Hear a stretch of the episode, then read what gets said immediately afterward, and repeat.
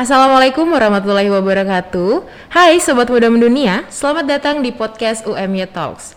Seperti biasa, bersama dengan saya Aisyah Wahdania, kita akan berbincang-bincang mengenai isu-isu terkini. Dan satu yang berbeda dari episode ini, nantinya kita akan membacakan pertanyaan-pertanyaan yang sudah dikirimkan oleh Sobat Muda Mendunia di Instagram @umyokia.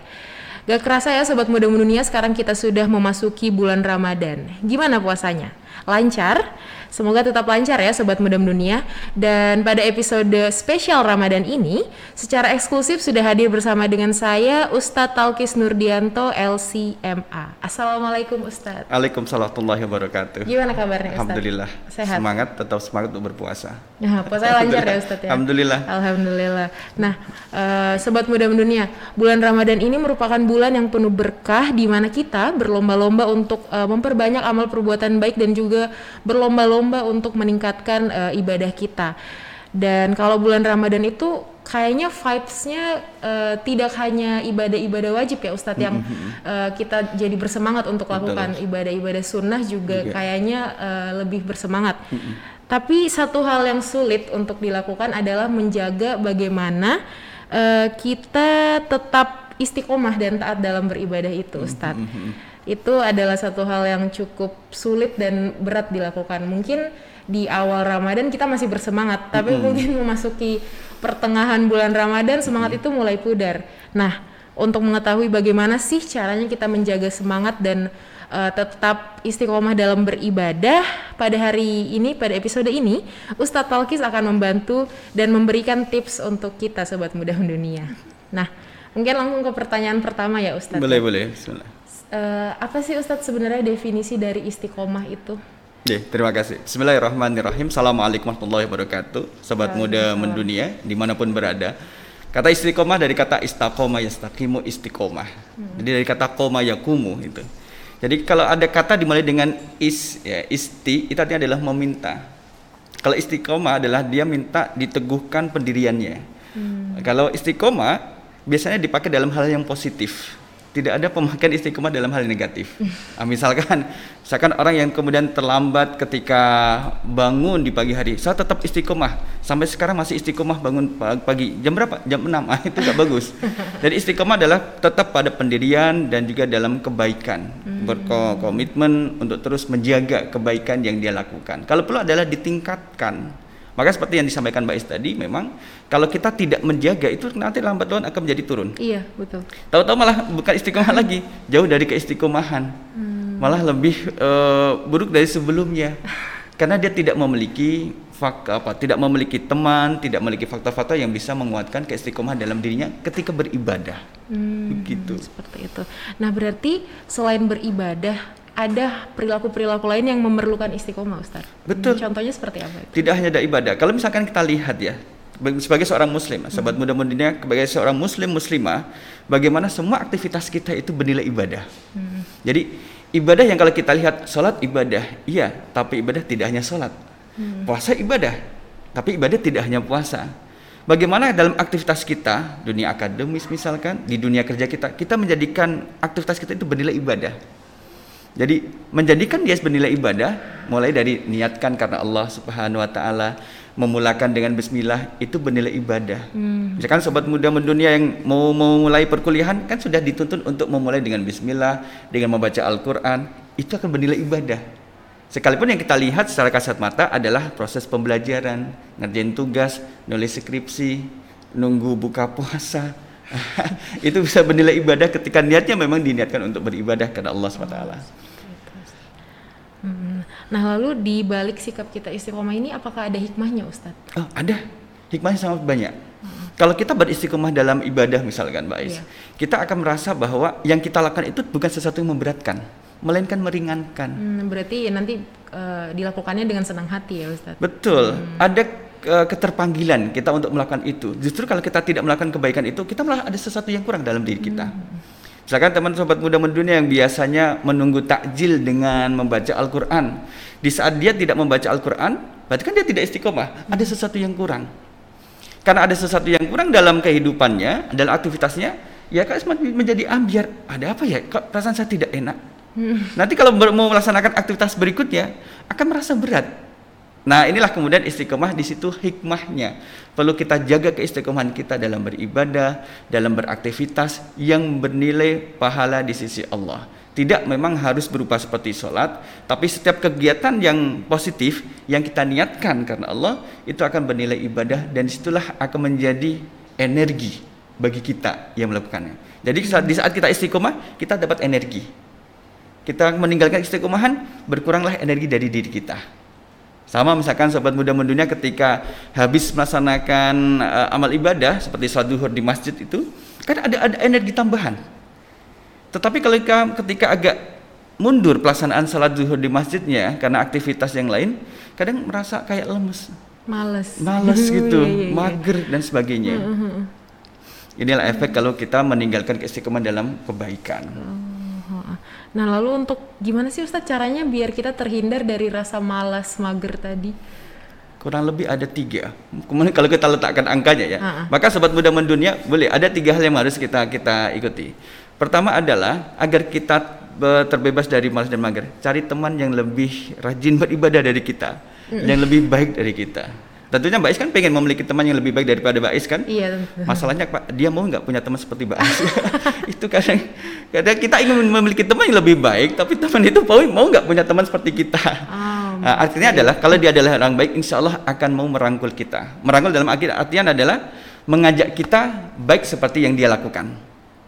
Nah itu itu yang pertama. Hmm. Maka orang soleh kumpulono Nah, aku berkumpul dengan orang-orang yang soleh. Bukan yang namanya soleh dan solehah, bukan, bukan namanya. Tapi memang aktivitasnya dia. Kalau mau cari-cari ciri-ciri orang yang soleh, ya banyak indikasinya. Apa tidak terlepas misalkan, oh dia soleh kenapa? Nggak pernah nyontek. Ketika usia enggak. Itulah dari sisi apa kesolehan dalam beribadahnya. Kemudian yang kedua adalah kita harus memiliki ini target dalam aktivitas keseharian kita. Kita harus punya itu hari ini misalkan kita dibangunkan oleh Allah dari tidur kita, aktivitas ibadah apa yang akan kita lakukan pada hari ini, kita sudah seolah-olah sudah ada bayangan, sudah ada seranai, ada list kegiatan yang harus kita laksanakan. Kalau kita tidak punya target seperti itu, sobat muda mendunia, kita menjadi seolah-olah hambar, menjadi hidup ya sekedar hidup saja. Hmm. Ke kampus sekedar ke kampus saja karena tidak ada target. Berarti emang baiknya kayak bikin to-do list ya, Ustaz. Betul. Hmm tulis apa yang akan kita lakukan dan lakukan apa yang kita, sudah kita tulis. Nah, yang ketiga adalah uh, tadi cari teman, kemudian terus uh, ada ada targetnya, kemudian yang ketiga adalah evaluasi muhasabah. Yang muhasabah ini, sobat muda mendunia, kalau kita mengevaluasi aktivitas kita, tentu kita akan mendapatkan celah-celahnya. Ada celah di mana kita bisa maksimal dalam kegiatan ibadah, ternyata tidak. Kenapa? Karena karena kita mengevaluasi. Setelah kita evaluasi kita jadi tahu Coba Mbak Is kalau misalkan kita tidak mengevaluasi aktivitas kita, hmm. seolah-olah semua yang kita lakukan adalah benar. Seolah-olah yang kita lakukan semuanya adalah sudah perfect. Padahal mungkin ada kesalahan. Ada kesalahan dan ya. itu akan terlihat kalau kita mau mengevaluasi. Hmm. Dan evaluasi tidak harus ada waktu khusus, tidak uh, tidak harus di malam hari tidak. Di mana kita ada waktu senggang, kita kemudian duduk merenung, mengevaluasi aktivitas kita, ibadah kita Tadi perkataan yang keluar dari diri kita itu perkataan yang baik atau tidak? Ada yang terlukai atau tidak? Nah, gitu. Ketika antri ambil bukber misalkan, ah, ada yang merasa tercolong kesempatannya atau tidak? Seharusnya giliran dia tapi kita nyelonong gitu. Yeah, kan artinya yeah, kan iya. melukai orang lain. Karena kalau melukai orang lain bisa jadi sikap orang lain terhadap diri kita itu menjadikan berkurangnya energi positif dalam diri kita. Karena kita melukai orang lain. Maka sobat muda mendunia yang pernah melukai orang lain segeralah taubat ya. Dan segera minta maaf. segera minta maaf dan minta untuk diikhlaskan supaya energi kita tidak berkurang terus-menerus sedikit demi sedikit. Nah inilah kurang lebih tiga hal itu. Kalau sobat muda mendunia mau menambahkan pun itu lebih baik. Ah ya oke. Okay. Nah Ustadz kita uh, bergeser sedikit dari tema istiqomah. Mm -hmm. Kita bacakan pertanyaan dari oh, boleh, sobat boleh. muda mendunia ya. Ini ada pertanyaan mengenai uh, Ramadan. Ah, Ramadan. Nah ini ada yang bertanya Ustadz, e, gimana sih caranya membanet sosial media selama Ramadan? Selama Ramadan. Hmm, karena mungkin uh, uh, sobat muda mendunia yang bertanya ini hmm. merasa terganggu dengan sosial media dia. Gitu. Jadi kalau misalkan kita lihat di dalam hadis Rasul SAW, ketika bulan Ramadan dibuka pintu-pintu surga, hmm. ya kan? Ditutup pintu-pintu neraka dan dibelenggu setan. Siapa yang membelenggu setan? Allah. yang membelenggu adalah kita memiliki peran untuk membelenggu setan di bulan oh, Ramadan. Okay. Kalau katakanlah katakanlah ya misalkan yang yang setan itu adalah media sosialnya, itu adalah setannya, maka kita membelenggunya Artinya adalah kita harus memiliki komitmen untuk tidak sering berinteraksi dengan media sosial. Tetapi memang kita perlu dengan media sosial untuk mengapa namanya mengakses informasi. Tetapi harus ada waktu-waktunya. Misalkan kalau kita mau komitmen teman-teman adalah kasih batasan waktu 1-2 jam untuk berinteraksi dengan media sosial. Setelah itu kita kemudian menjadi orang yang kuat untuk menjaga jarak dengan media sosial. Kalau kita lihat anak-anak yang misalkan di uh, sekolah dasar atau sebelum sekolah dasar itu mereka bisa dan kuat untuk tidak berinteraksi dengan media sosial dengan batasan waktu yang diberikan orang tuanya. Misalkan hari Ahad jam sekian sampai jam jam 10 sampai jam 11 itu bisa. Kenapa kita tidak bisa? Kalau saya memiliki komitmen, pokoknya di saat saya tidur saya tidak berinteraksi dengan media sosial. itu semua orang bisa kan ya. Iya, iya. Kalau itu bisa maka ada waktunya. Iya. Terkadang memang bagaimana kita memen satu adalah kita jangan keter, memiliki ketergantungan terhadap media sosial. Hmm. Satu ya. Tetapi kita tidak menjaga seutuh, menjaga jarak seutuhnya. Yang kedua adalah kita memastikan bahwa mengetahui kapan waktu di mana sedang ramai-ramainya update berita di media sosial baik WhatsApp atau Facebook dan sebagainya kita tahu kan waktunya mungkin nggak misalkan di jam 11 malam itu lagi pada ramai membicarakan di media sosial nggak kan kan gak, kan? Biasanya ramai cuma mungkin tidak penting. Tidak penting. Dan kita kemudian yang terakhir adalah tidak menganggap begitu penting atau terlalu penting media sosial dalam kehidupan kita. Hmm. sebatas dia adalah menjadi suplemen dari aktivitas atau perkembangan informasi di, di, di sekitar kita. Jadi kalau kita sudah seolah-olah sudah kecanduan dengan media sosial maka harus membuka apa membuat jarak antara kita dengan media sosial dan kalau tidak dilakukan itu akan berefek pada aktivitas setelahnya. Hmm. Banyak agenda-agenda di bulan Ramadan kemudian tertinggal. Kita tahu Mbak Ais bahwa sahabat muda muda juga tahu bahwa banyak sekali yang berada di bulan Ramadan, beribadah di bulan Ramadan. Tapi di antara mereka kemudian ada yang meninggal sebelum Ramadan, ada yang sakit di saat Ramadan, bahkan Kemudian ada yang beribadah di bulan Ramadan seperti puasa, tidak mendapat pahala kecuali lapar dan dahaga. Kenapa? Ah, dia mengumbar cacian di media sosial. Hmm. Kan tidak membatalkan puasa. Oh misuh misuh berkata kotor di media sosial iya, iya. memang tidak membatalkan puasa, tapi kan tidak mendapatkan pahala. Uh, ah, berarti sama halnya kayak ini Ustadz. Mungkin lagi scroll Instagram terus tiba-tiba melihat sesuatu yang tidak pantas mm -mm. itu apakah mengurangi pahala? Di, men mengurangi keutamaan dari puasa yang dilakukan karena dia menggunakan satu katakanlah nikmat pandangan pada tempat yang tidak sebaiknya. Mm-hmm. Nah, artinya kan kita kalau kita mengatakan bahwa sobat muda mudina, di saat kita melihat sesuatu yang tidak baik akan berkurang energi positif dalam diri kita. Mm-hmm. Terus akan akan berkurang dan juga berkurang dan juga berkurang. Mm-hmm. Makanya kalau kita lihat orang yang telah melakukan perbuatan yang dosa tidak baik itu kalau seolah-olah redup. Apa namanya? keceriaan mukanya itu menjadi kayak redup dia mau pakai make up kayak pun kelihatan juga memang redup auranya berbeda auranya ya, redup jadi inner beauty-nya itu lama-lama menjadi redup gitu oh, iya, menjadi iya. suram karena apa karena pancaran dari jadi dari dosa yang telah dia lakukan hmm. karena tidak istiqomah itu tadi berarti bagaimana komitmen dari diri kita sendiri juga ya Ustaz? betul nah, mulai dari diri kita hmm. nah ini ada pertanyaan lagi Ustadz uh, ketika bulan Ramadan itu mm -mm. tidur kerap kali di disamakan dengan ibadah. Mm-hmm. Nah ini ada pertanyaan, Ustadz mau tanya, kalau kita tidur seharian, apakah puasa kita sah atau tidak ya? Mm-hmm. Mudah-mudahan ini tidak menyinggung saya ya pertanyaannya. eh, sobat muda mendunia, memang kalau kita bilang bahwa ibadah uh, tidur di bulan Ramadan adalah ibadah, tapi kita lihat ya, ketika kita tidur, apa yang kita bisa lakukan? Hmm. Aktivitas apa yang bisa kita lakukan? Hmm. Mbak Ais, ketika kita tidur, bisa nggak baca Al-Quran? Mungkin di mimpi Ustaz. Nggak bisa kan? Ketika kita sedang tidur, bisa nggak kita berzikir? Ah, tidak. Nggak bisa, bisa kan? Iya, iya, iya. Ketika kita tidur, bisa nggak kita sholat? Nggak bisa. bisa. Padahal tadi yang kita sebutkan itu adalah ibadah. Maka sobat muda mendunia ketika di saat sedang tidur tidak bisa melakukan ibadah, artinya peluang untuk beribadah itu menjadi lewat. Lewat. Berarti sama kayak tadi ya. Berarti yang didapat dari puasa nah, cuma lapar dan dahaga. Kasihan, kasihan puasanya nanti. Dia padahal yeah, kalau yeah, tidur yeah. itu adalah menjadikan dia malah malah lebih malah lebih terasa laparnya. Hmm. Eman kalau boleh saya sarankan kepada sobat muda mendunia, di saat sedang berpuasa boleh tidur boleh, tapi jangan seharian. Karena kita akan menyanyiakan waktu yang Allah sediakan pada diri kita. Hmm. Karena dengan satu itu ya satu itu aktivitas. Kalau sebelum tidur berdoa, ah, dapat doa, dapat pahala dari doa yang dia baca itu. tapi selebihnya kan tidak bisa beraktivitas. Iya, rugi ya Ustaz. Berugi. Ya. Tapi kalau dibandingkan ah daripada saya bermaksiat mendingan saya tidur nah mungkin tidurnya lebih baik hmm. daripada terjaganya itu bermaksiat. Tapi kan ini bukan pilihan yang bagus ya, bukan pilihan terbaik. Akan tetapi maka boleh istirahat di siang hari untuk mengumpulkan tenaga agar nanti di malam hari ketika salat tarawih, qiyamul lail itu lebih fresh dan juga lebih semangat. Boleh tidur tapi jangan kebelablasan kalau tidur. Nanti yang ada malah berita lelayu. Hmm. Karena tidak bangun-bangun gitu ya sobat muda dunia. Nah, uh, pertanyaan selanjutnya Ustadz. -hmm. Ini ada beberapa pertanyaan yang masuk dan sepertinya bersangkutan dan mm -hmm. sepertinya sedang menjadi pertanyaan boleh, buat muda dunia.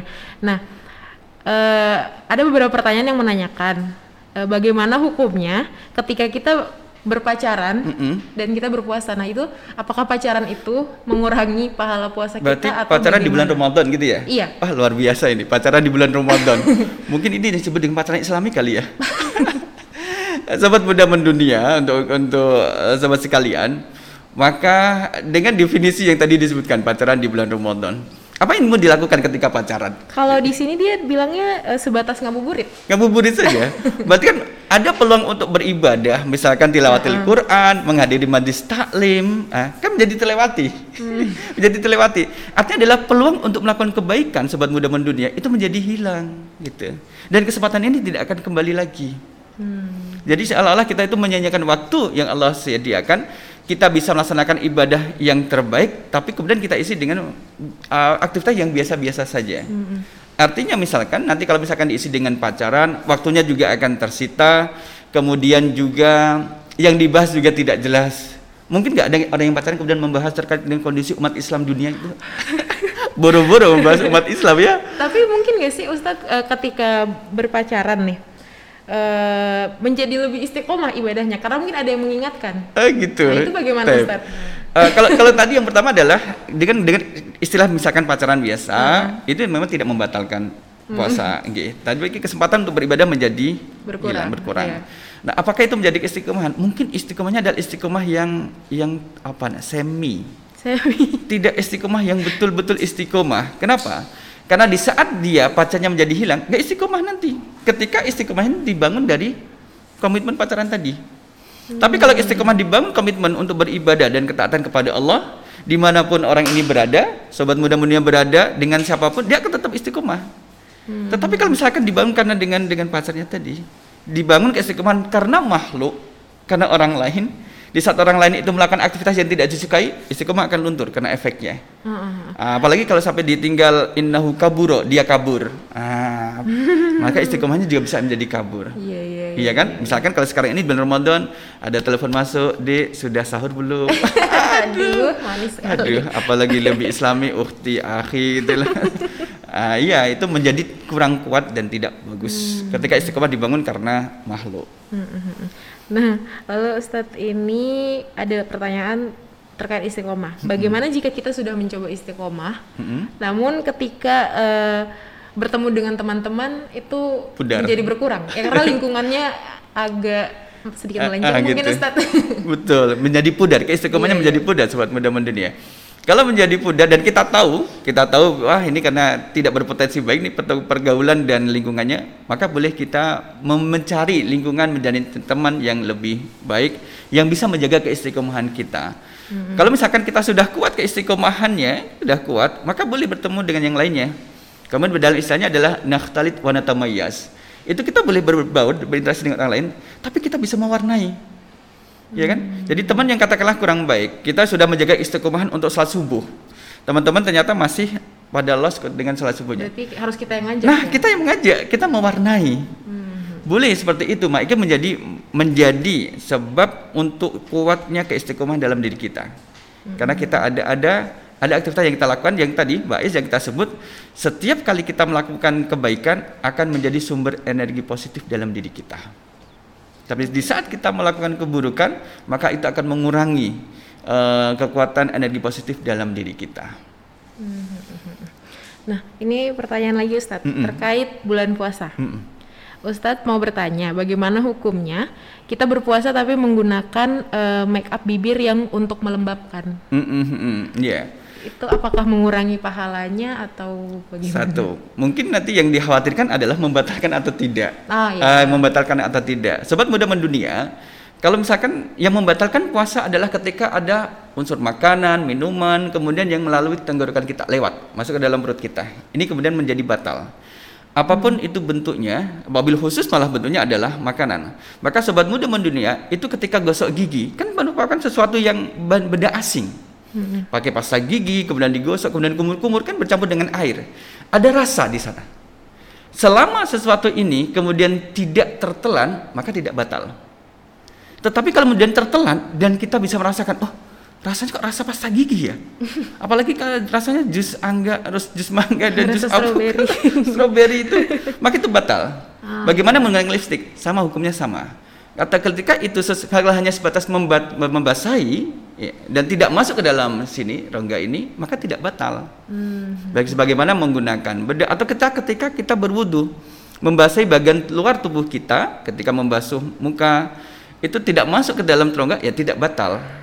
Akan tetapi kalau misalkan dia memakai apa lip gloss dan sebagainya yang di bibir itu kemudian dikecap-kecap kemudian oh, rasanya agak gini? Dia bisa merasakan oh, ada yang tertelan. Ya batal. Baik. Maka puasa itu sobat muda mendunia mengajarkan kita kejujuran.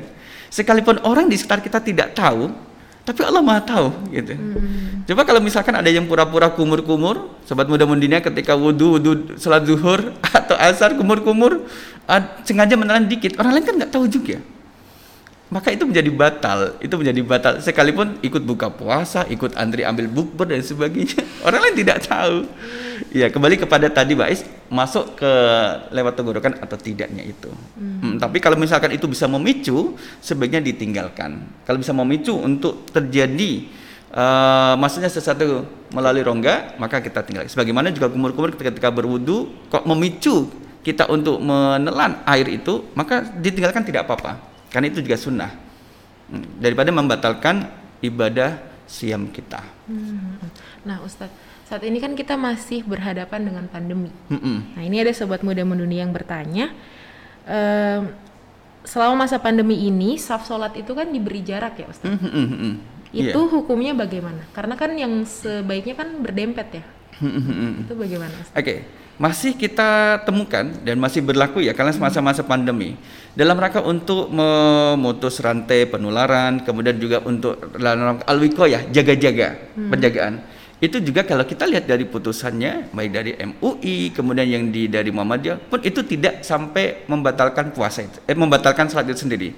Boleh boleh karena kondisi karena kondisi bahkan nanti dalam kondisi yang misalkan kondisi yang tidak kita harapkan bilang memburuk semuanya harus sholat di rumah masing-masing, itu memungkinkan. Jadi kalau sholat sekarang ini softnya itu berjarak, itu tidak mengganggu dan tidak mengurangi kehusuan daripada ibadah sholat itu sendiri. Dan boleh, karena kondisi pandemi. Dan insya Allah kalau misalkan satu daerah yang sobat muda mendunia sekarang ini berdomisili itu sudah dinyatakan aman, hijau, sudah hijau dan tidak masalah, tidak ada yang dari luar datang ke dalam, yang dalam tidak keluar, maka kalau mau sholatnya rapat, softnya pun tidak masalah. Hmm. Tapi yang terjadi sekarang adalah dalam rangka ihtiyati, penjagaan, kemudian dalam rangka untuk memutus rantai penularan jika ada uh, COVID di daerah tersebut. Mm -mm. Hmm, yang penting apa? Tetap sholat. Itu. Iya. Jangan membahas membahas jarak-jaraknya. Tapi yang di, yang membahas ini ternyata nggak sholat juga. Iya, iya, iya. Baik Ustaz. Nah, kalau tadi kita udah berbicara tentang uh, ibadah puasa, sholat dan segala macamnya. Ini ada sobat muda mendunia yang bertanya, apakah tujuan dari kita beribadah itu adalah surga? Mm -mm, Sobat muda mendunia, pertanyaan yang bagus. Mm. Ibadah tujuannya adalah surga. Kemudian dalam surah Ali Imran di awalnya Allah berfirman, "Wa wasyiril ladzina amanu wa amilus solihati annalahum jannatin tajri min tahtil anhar."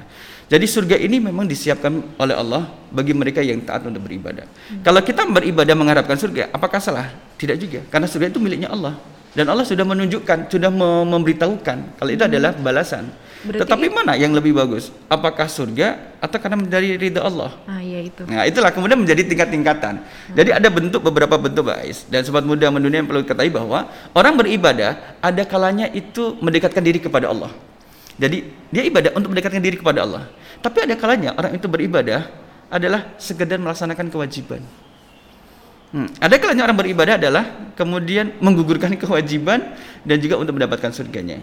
Yang bagus memang kalau dia beribadah adalah agar mendapat surga Allah, ingin mendapatkan rahmat Allah yang sudah disebutkan di dalam Al-Qur'an, ya. Dalam hadis juga ada yang demikian itu, maka itu boleh-boleh saja. Tapi itu tidak terhitung uh, pamrih apa Ustaz? Tidak, pamrih tidak, ya? ketika ya? dia itu mempublikasikan kepada orang lain dengan harapan dapat pujian dan apresiasi dari orang lain oh, dari ibadah yang dia lakukan. Okay. Tapi kalau kita beribadah karena ingin mendapatkan surga, kenapa sholat? Ya, saya butuh sholat dan Allah menyediakan pahala surga bagi orang sholat. Kenapa Mbak Is puasa Ramadan? Ya, karena Allah menyiapkan surga ada satu pintu namanya pintu royan yang di mana hanya orang-orang berpuasa yang bisa masuk pintu itu dan saya ingin masuk lewat pintu situ. Hmm. Boleh, boleh. Sahabat juga dimotivasi oleh Rasul dengan surga bagi mereka yang melaksanakan ibadah-ibadah tertentu. Hmm. Hmm. Seperti itu ya. Berarti yang penting ibadah dulu ibadah dulu, niatkan karena Allah, hasil Allah yang akan tentukan. Insya Allah surga. Insya Allah surga. surga menjadi tanggungan Allah atas diri kita. Kalau kita ibadahnya baik, Allah akan memberikan yang terbaik. Oke. Okay. Nah, Ustadz, pertanyaan terakhir mm -hmm. ini, uh, bagaimana caranya agar kita bisa tetap uh, istiqomah dalam beribadah? Mungkin Ustadz bisa memberikan tips untuk sobat muda mendunia dan juga mungkin untuk saya. Terima kasih, sobat muda mendunia. Uh, beberapa tips untuk kita agar tetap istiqomah adalah satu, kenali apa yang menjadi kewajiban untuk kita lakukan. Jangan sampai kita itu menjadi istiqomah dalam satu kewajiban, tapi kewajiban lain kemudian tertinggalkan. Ini menjadi tidak benar. Kenali kewajiban atas diri kita, satu sebagai seorang muslim. Kalau ada sobat muda menjadi uh, Mahmud atau Yahmud, Yahmud itu adalah ayah muda. Kalau Mahmud adalah mama muda, kan kewajibannya menjadi bertambah. Iya, iya. Baik Mahmud Abbas atau Mahmud Abdu, oh ya. Mahmud Abbas adalah mama muda anak baru satu. Kalau Abdu ini mama muda anak baru dua maka ya itu ada, ada kewajiban tambahan ada kewajiban tambahan yang pertama adalah mengenali kewajiban yang ada dalam diri kita yang kedua hmm. adalah komitmen untuk melaksanakan tugas kita adalah melaksanakan kewajiban itu melaksanakan adapun nanti berhasil atau tidak itu nanti adalah urusan belakangannya tapi kita laksanakan jangan kemudian membuat penilaian bahwa saya kayaknya nggak mampu deh untuk melaksanakan ibadah ini sehingga kemudian kita menyerah hmm. ini menjadi penilaian terlalu dini ya kalau kita lihat Bais ceritanya Maryam ketika dalam keadaan hamil tua kan kemudian diminta diperintahkan Allah untuk menggoyang pohon korma. Hmm. Mana yang lebih besar? Badannya Maryam atau pohon korma? Pohon korma. Pohon korma kira-kira ber, ber, bergerak nggak? Digoyang oleh ibu muda yang hamil tua kan nggak bergerak pohonnya. Hmm. Yang bergerak malah badannya Maryam. Tapi Maryam kemudian tidak menggunakan uh, logikanya, kayaknya nggak mungkin deh saya bisa menggerakkan. Tidak, tapi tetap, tetap melaksanakan perintah hmm. itu. Hasilnya ternyata dijatuhkan semua apa namanya buah-buah itu kepada Maryam. Maka inilah menjadi tes bagi kita, kerjakan yang menjadi kewajiban kita dan juga berdoa kepada Allah agar diberi keistiqomahan di setelahnya. Hmm. Gitu. Baik baik. Nah, Ustaz uh, mungkin perjumpaan kita harus terbatas oleh waktu. Terima kasih terima sudah kasih, meluangkan waktunya. Kasih. Terima kasih sobat muda mendunia sudah menyaksikan UMY Talks episode kali ini. Semoga setelah UMY Talks episode kali ini uh, ada hikmah yang bisa dipetik mm -hmm. dan semoga puasanya tetap lancar dan juga jangan lupa beribadah ya Ustaz. Betul betul. Baiklah, sampai jumpa di UMY Talks episode selanjutnya.